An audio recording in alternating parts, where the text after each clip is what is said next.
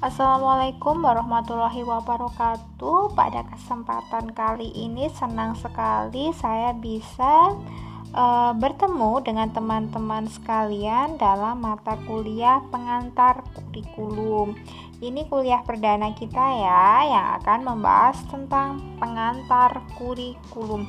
Jika kita mendengar istilah kurikulum, itu adalah istilah yang sudah biasa di lingkungan sekolah itu didengar.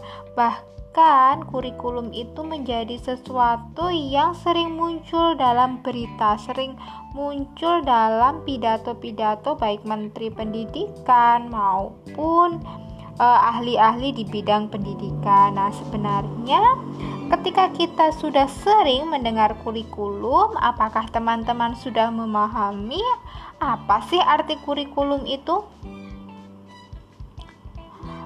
Satu semester ke depan kita akan mempelajari dan mengenal lebih jauh tentang apa itu kurikulum. Sekedar mengenal ya, masih dalam tahap mengenal karena pengantar kurikulum. Untuk selanjutnya mata kuliahnya akan dilanjutkan dengan mata kuliah pengembangan kurikulum. Pada kesempatan kali ini kita akan memahami apa kurikulum itu. Nah, kurikulum di PAUD e, menurut DAP, jadi teman-teman harus tahu apa itu DAP. Ada yang pernah dengar? Jadi DAP itu adalah developmentally appropriate practice. Jadi e, praktis pelaksanaan kurikulum menurut DAP itu adalah kurikulum sesuai dengan perkembangan anak seperti itu. Makanya e, ini sudah terstandar oleh NAEYC. Nah, kita akan memahami apa sih arti kurikulum itu menurut DAP. Kurikulum menurut DAP yang pertama merupakan bagian dari rencana kegiatan yang berisi pengembangan seluruh area perkembangan. Nah, kita pahami ya, area perkembangan anak itu terdiri dari aspek apa saja? Ada fisik, ada sosial emosional, ada bahasa, ada seni, dan juga kognitif. Nah, area ini direncanakan untuk dikembangkan. Nah, itu masuk dalam pengertian kurikulum. Menurut DAP tentunya. Yang kedua, mencakup bahasan yang luas meliputi seluruh disiplin ilmu. Nah, disiplin ilmu apa saja? Baik disiplin ilmu sosial, intelektual maupun konsep diri. Kurikulum dibangun atas pengetahuan yang sudah siap dipelajari dan dilaksanakan anak di aktivitas pengetahuan utama untuk menghubungkan pengetahuan mereka dan menerima konsep serta keterampilan baru.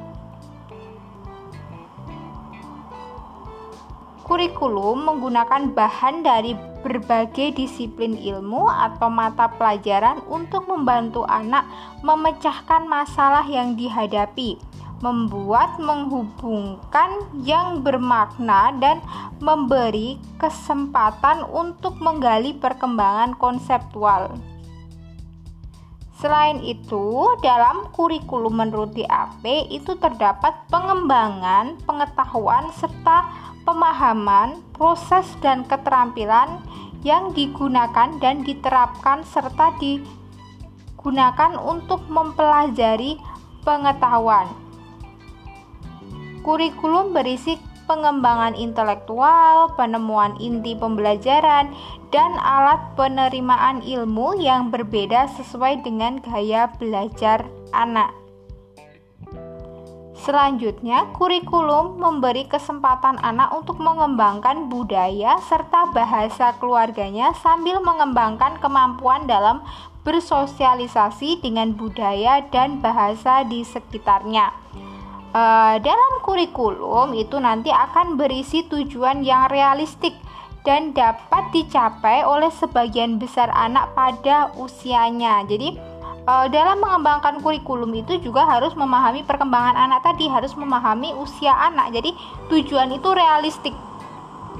Yang selanjutnya adalah uh, dalam kurikulum itu terdapat penggunaan teknologi dan bersifat filosofis dalam proses pembelajaran.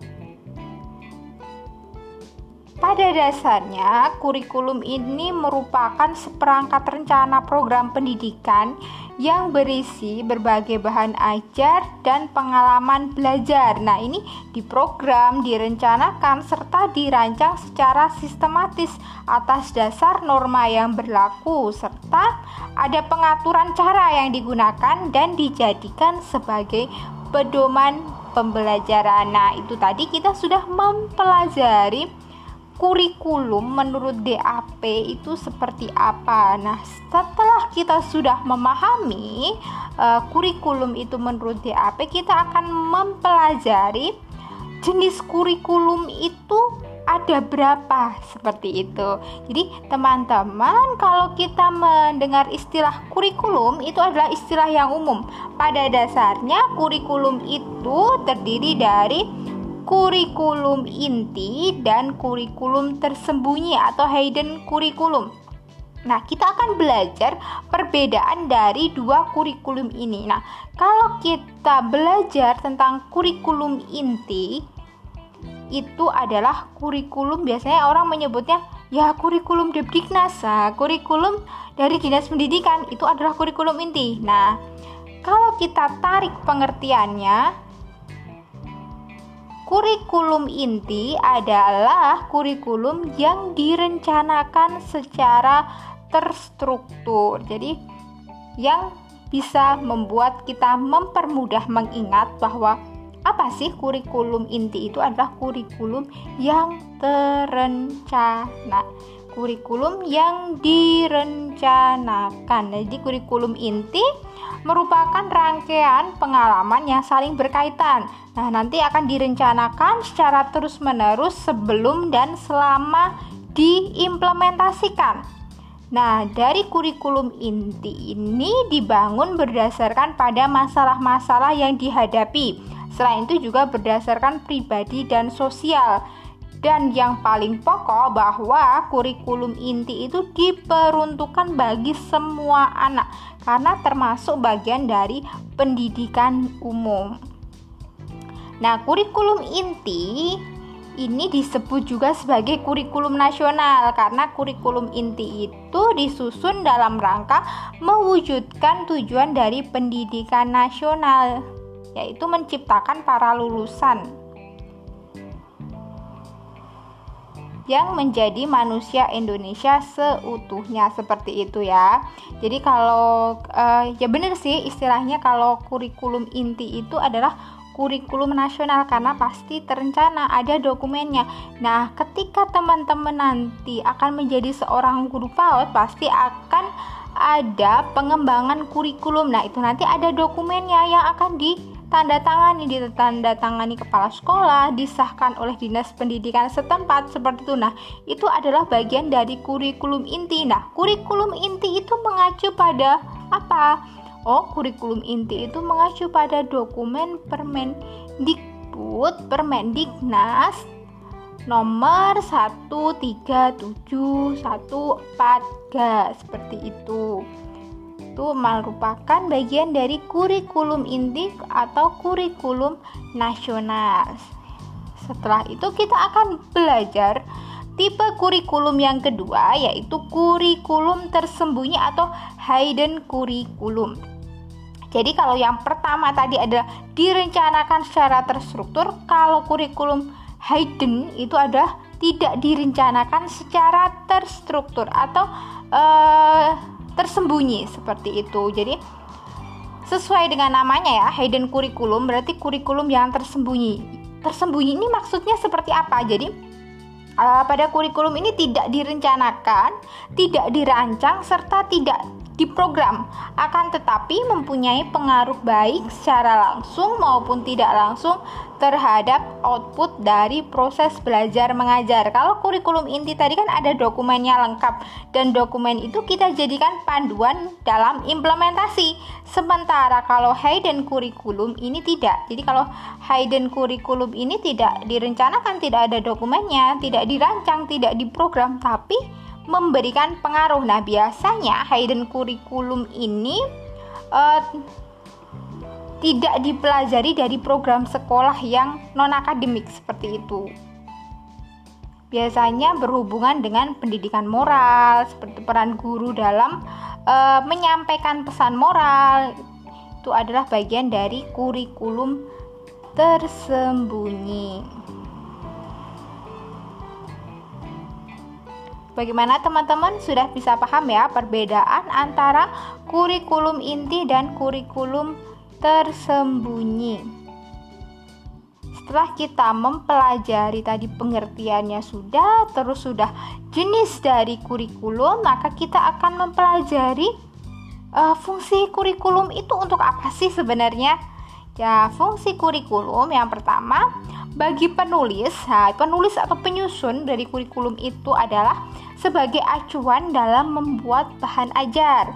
Selanjutnya, fungsi kurikulum bagi guru adalah acuan dalam membuat persiapan dan pelaksanaan pembelajaran.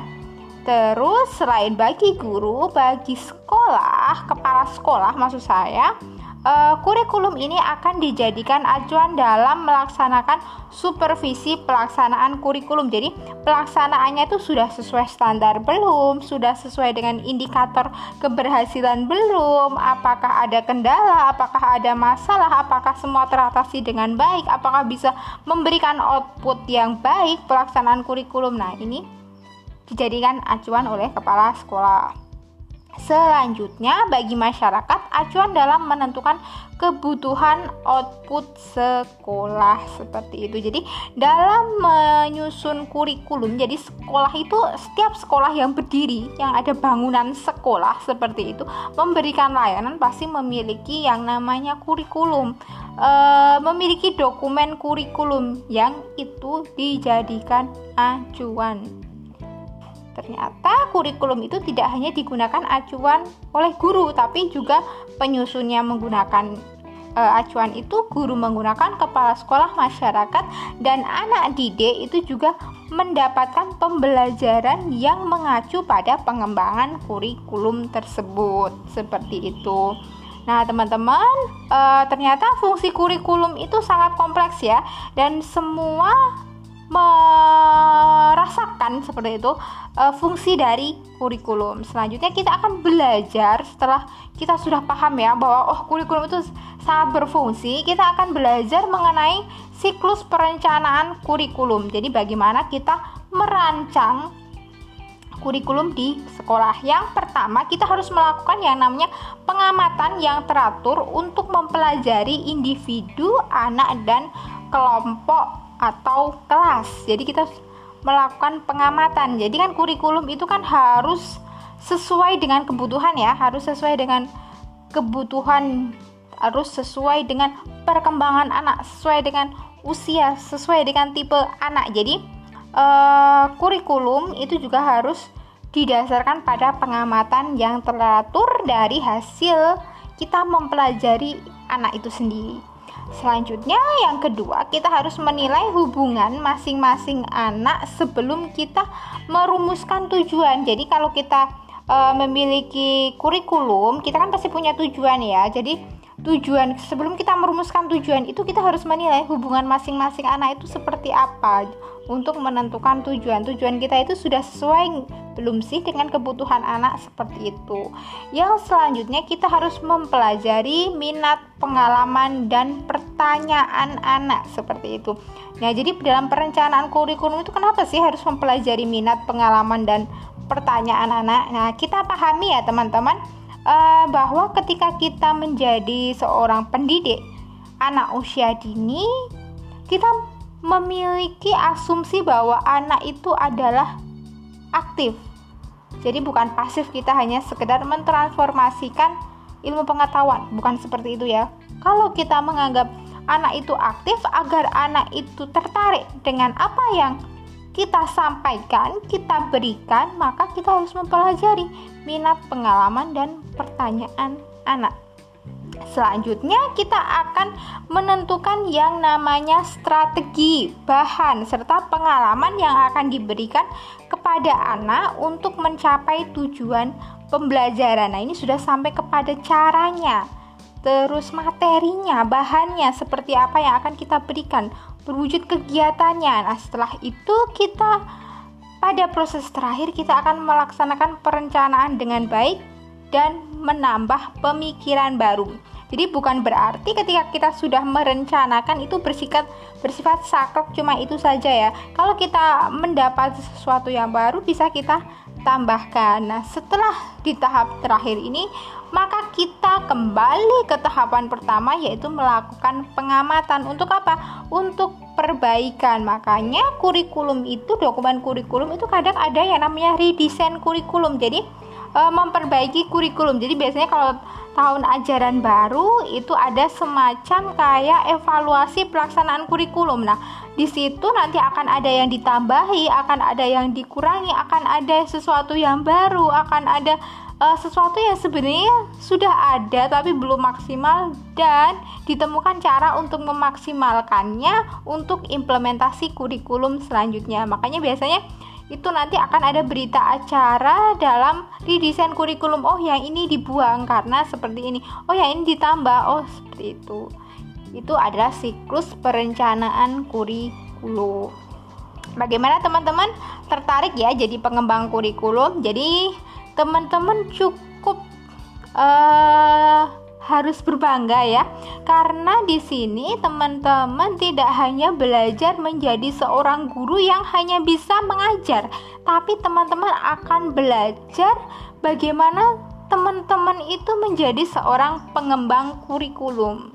Jadi lengkap sudah uh, kompetensi teman-teman. Selain sebagai pengembang kurikulum jadi juga bisa menjadi pelaksana dari kurikulum itu sendiri. Uh, semoga saja eh, teman-teman nanti suatu saat bisa memiliki lembaga sendiri seperti itu ya. Jadi memiliki lembaga sendiri bisa mengembangkan kurikulum sendiri, bisa mengarahkan guru agar bisa mengimplementasikan kurikulum itu seperti apa. Oke, terima kasih. Sekian untuk perkenalan kita terhadap kurikulum pendidikan anak usia dini. Besok akan kita lanjut pembahasan yang lebih menarik lagi terkait dengan model-model uh, kurikulum, pendekatan kurikulum dan masih banyak lagi. Sekian dari saya. Wassalamualaikum warahmatullahi wabarakatuh. See you teman-teman.